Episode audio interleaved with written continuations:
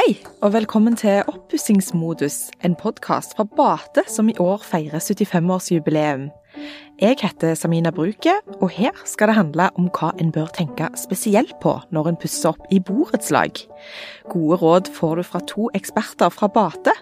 Advokatfullmektig Anette Gausland og Lasse Vika, som er leder for skadeforebygging. Men først, hva med de? Kanskje de er i oppussingsmodus sjøl? Jeg er akkurat ferdig med opp oppussingsmodusen min, holdt jeg på å si. Jeg ble nettopp par for første gang, så da brukte jeg den siste energien jeg hadde igjen i kroppen til å ja, skifte gulvene i første etasje og pusse opp badet. Så nå er jeg akkurat ferdig med det. Så nå kan du bare nyte Nå er det bare nyte den travle småbarnstida. Ja. Ja. Mm. Og Anette, da. eh, Oppussingsmodus, er, er det noe du har vært i?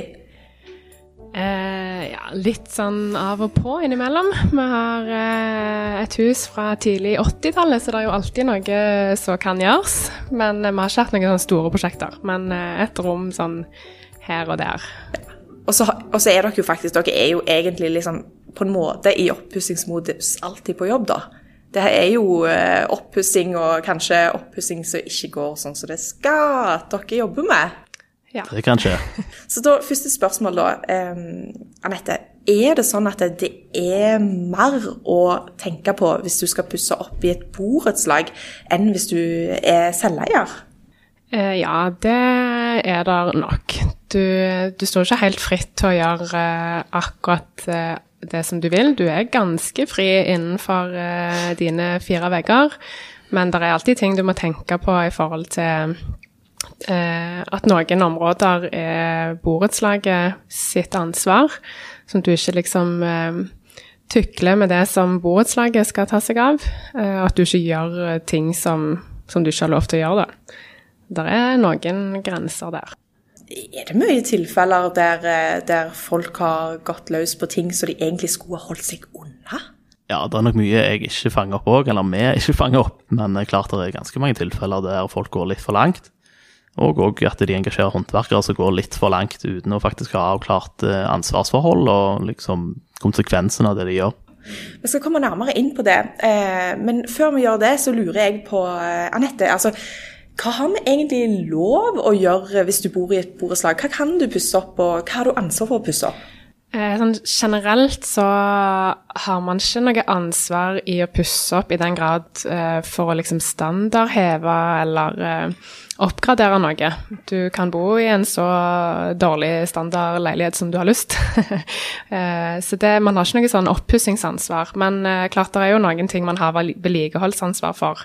Men eh, man står ganske fritt til å gjøre det en vil inne i leiligheten. Altså du kan skifte innredninger på kjøkken og bad. Du kan ha akkurat de veggplatene eller det gulvet du vil. Og du kan òg flytte på vegger, så sant du ikke påvirker bærende konstruksjoner eller griper inn i de. Det er vel ikke så lett å vite hva som er en bærende vegg, hvis du ikke kan så mye om, om vegger og konstruksjon. Lasse, hva, hva gjør du da? Da tenker jeg at det kan være lurt å snakke med en fagmann. Kanskje kontakte en byggmester eh, eller tilsvarende for å sjekke litt ut hva, hva du har tenkt å gjøre, og avklare det derifra. Og så er det jo aldri noe galt å snakke med styret. Eh, Samtidig er det noe med dimensjonene på, på vegger og sånn som det, og ikke minst hvis det er betongvegger, så er det ofte det er det bærende egenskaper i de, stort sett da. Men eh, kontakt en fagmann hvis du er usikker, tenker jeg. Vi har jo en del tilfeller der folk har hogd seg gjennom etasjeskilleren og ned til naboen. Særlig sånn typisk når de velger å skifte sluk eh, på et baderom. Eh, så er de ofte med å bryte rett og slett eh, ned til naboen. Da. Og da blir det styr. Du har jo mange valg inne sant, i forhold til materialer. Eh, men, men hva da if, eh, hvis vi tenker på det ytre? Altså, er det lov å bare liksom sånn Du liker ikke vinduene, utformingen av de. Du er ikke liksom så fornøyd med den der døra, skulle heller hatt ei slette. Altså, kan du gjøre det du vil der?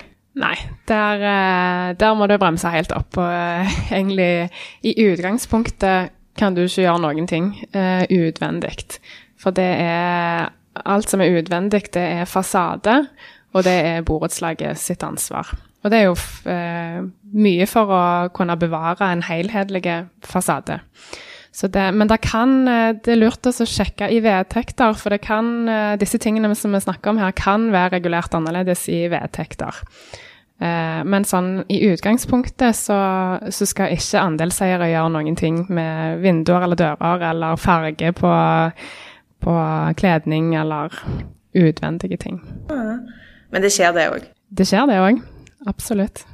Men, men, hva er det da? Altså, tror du, Er det liksom folk som har lyst til å ta seg til, altså, tar seg til rette, eller er det bare det Altså, folk vet ikke. En har ikke lest seg opp, eller hva, hva, hva tenker du, Lasse? Det er nok litt forskjellig, eh, og bygningene er også veldig forskjellige. Eh, enkelte borettslag kan jo framstå som en enebolig. Og da tenker gjerne folk at det er naturlig at det er de som gjør som de vil. Eh, andre bor gjerne i rekkehus, og noen bor også i, i blokker. Så, så, jeg tror bygningsutformingen er veldig avgjørende i forhold til hvordan folk eh, betrakter den delen. Det har vært en del saker i media når det gjelder dette med renovering av bad i borettslag. Det, det, kan jo fort bli litt sånn betent. Og hva, hva, hva, er det som gjør det, Anette? Hvorfor er det så vanskelig når det gjelder renovering av baderom? Kanskje er det det rommet som på en måte har de vanskeligste sånn, grensedragningene mellom hva en kan gjøre sjøl, og hva som er borettslaget sitt ansvar, og hva en må passe seg for. Uh, her kan en jo fort uh, gripe inn i ting som man ikke skal gjøre noe med. Uh, så det er jo viktig å Her kan du f.eks. Her har vi tilfeller av at man eh, oppgraderer badet sitt sjøl, og så kort tid etterpå så kjører kanskje borettslaget i gang et eh, renoveringsprosjekt av røyr, f.eks. Og det er ganske surt om du da har et flunka nytt bad hvor du har fiksa disse tingene sjøl, og så uh, plutselig så skal borettslaget da rive opp igjen for å legge nye røyr, eller du må være med og delta, betale for at alle andre får nye røyr. og Det er jo en sånn praktisk problemstilling. Så det kan være veldig lurt å gjøre i forkant av eh, oppussing av bad, er å sjekke med styret om det er noen prosjekter der på gang. Men så kan det vel være bra òg, med tanke på altså skadeforebygging. At alle bad tas, alle rør tas samtidig. Eller?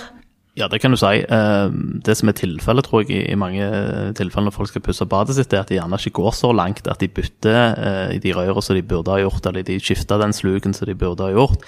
Eh, de tar gjerne overflatene hovedsakelig. Og så klart, da har du gjerne gjort en litt sånn unødvendig oppgradering. Det ser veldig fint og flott ut på, på overflaten, men klart at det, det er ikke sikkert at det holder tett for det. Mm. Så de store oppgraderingene som hele borettslaget tar, da vet du at da, da blir det iallfall gjort skikkelig? Det, det, bør bli gjort skikkelig da, ja. Ja, hva må en søke om å gjennomføre? Det er jo ikke noe enkelt svar på det, er det det? Det er et veldig stort område, akkurat det med søknadsplikt. Så der, eh, der vil jeg absolutt oppfordre uh, den som lurer på noe, til å sjekke opp nærmere sjøl. Kanskje med kommunen som du bor i, for det er litt ulik praksis òg på grensegangene. Ehm, men hvis vi på en måte tar for oss det innvendige og tenker på innvendig oppussing, så er det på en måte søknadspliktig å gjøre eh, de arbeidene som går utover ordinært eller normalt vedlikehold. Så du har lov å på en måte pusse opp overflater og sånn sjøl. Um, skifte gulv, male tak, bytte kjøkken og bad og de tingene der. Men med en gang du på en måte gjør et inngrep i uh, hva skal jeg si, etasjeskiller eller bærende konstruksjoner, um, så, så, utløser det en søknadsplikt normalt. Og så er det òg dette hvis du gjør en bruksendring som kan eh, utløse det. Altså F.eks. hvis du gjør om boda di til et baderom, eller motsatt.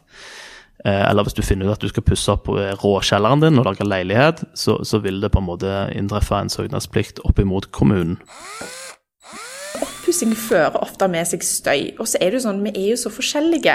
Jeg har en mann som pusser opp, eller vi pusser opp hjemme, og um, vi har forskjellig syn på hva støy er. Han mener jo f.eks. at nei, da, denne bankinga her, den er jo så lav, mens jeg tenker at nei, du kan ikke holde på med dette i helga. Det går ikke. Så, så, så hva er, hva er Når blir det støy, Anette? Ja, det er ikke lett å svare på sånn uh, juridisk heller. Det er jo, som du sier, veldig Det er jo en subjektiv oppfatning av hva er støy, og det er skjønnsmessige vurderinger. Så I borettslagsloven er det en sånn, det vi kaller for en generalklausul, som er en sånn skjønnsmessig En vidt formulert eh, eh, regel om at man ikke skal være til ulempe. Altså man, man, skal ikke være til unødvendig eller urimelig ulempe for sine naboer eller de rundt seg. Eh, og det er, den, det er den vi må bruke hvis folk eh, syns det blir mye støy. Men det, den er vanskelig å bruke, og, og spesielt på altså arbeidsstøy i forbindelse med oppussing, det vil jo være midlertidig. Selv om det gjerne går over flere år med oppussing, så er det likevel eh, midlertidig støy knytta til noe konkret som, som, skal gå over. Så det er en ganske høy terskel eh, for å Altså før den er overtrådt, da, for å si det sånn. Men Sier, sier da borettslagsloven sier den noe om eh, når det er lov å støye? Nei, borettslagsloven regulerer ikke det. Eh, så vi anbefaler jo virkelig alle borettslag å ha ordensregler, for da har en sånn konkret reglement å, å, forholde seg til, og da kan man knytte eh, Hvis det blir urimelig mye støy, så kan man knytte det helt konkret til det som står i ordensreglene. Så det er en veldig sånn praktisk måte å håndtere det på. Ja, jeg tenker det. Snakk med naboene dine og prøv å bevare et godt forhold der. Det er jo egentlig det.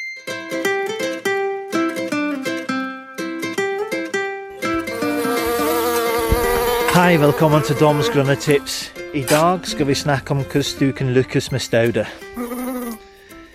Staude er planter som kommer opp igjen år etter år. Og Derfor er det viktig at de er plantet rett fra dag én. Det er ikke bare å grave et hull i bakken og så hive planter ned og så dekke til. Det beste er at når du har tatt planten ut fra den potten, at du bryter opp den røttballen litt, så den får en mulighet å, å sette ut røttene i jord som du skal plante i. Ellers så egentlig holder det å oppføre seg som det er fremdeles i en potte mens de er i bakken. Og det kan uh, være et problem en eller to sesonger senere, for du får ikke den utvikling som du skal med, med røttene. Uh, det er òg viktig at du har den uh, rette type av, uh, av jord. De fleste stauder de foretrekker uh, og krever til og med godt drenert jord uh, i stedet for tung, fuktig jord. Stauder overlever vinteren best uh, hvis du lar jords vekst ligge. Den visner og dør. Det ser litt uryddig ut, men den ligger der og hjelper å isolere toppen av den levende biten av plant som ligger fremdeles inni bakken. Og det er en av de jobbene som jeg har snakket litt om i en tidligere podkast, uh, om, om, hva slags uh, oppgaver du kan gjøre når det begynner å, å, å våkne om våren. Du fjerner disse døde, visne bladene, og så ser du at de staudene de kommer opp fra, fra under der. Våren òg en veldig bra tid for du å grave opp og dele på disse staudene. Så du, de fleste av de så kan du faktisk dele og avle fram med den samme type staude. Og våren eh, for det, en, god del staude er det beste tid å gjøre det. Det. det. som er veldig greit med staude, er at når du har brukt litt tid og innsats og planter de, så kommer de opp igjen og igjen og igjen. Peonies, for eksempel, er fabelaktig type staude. Og, og, og, de kommer opp, og de er så vakkert. Og du nesten sitter og venter neste sesong, så kommer de peonies opp, og så ser hvor store de skal være, farger de skal være. Egentlig, når du har tatt den innsatsen med planting rett og hele pakken, så, så, uh, så har du en uh, plant for life. Dette er siste tips fra meg. Eh, jeg bare har lyst til å oppfordre alle og prøve deg. Kom ut, brett opp armene, få hendene ned i mål, få litt skitt under neglene og, og, og nyte det.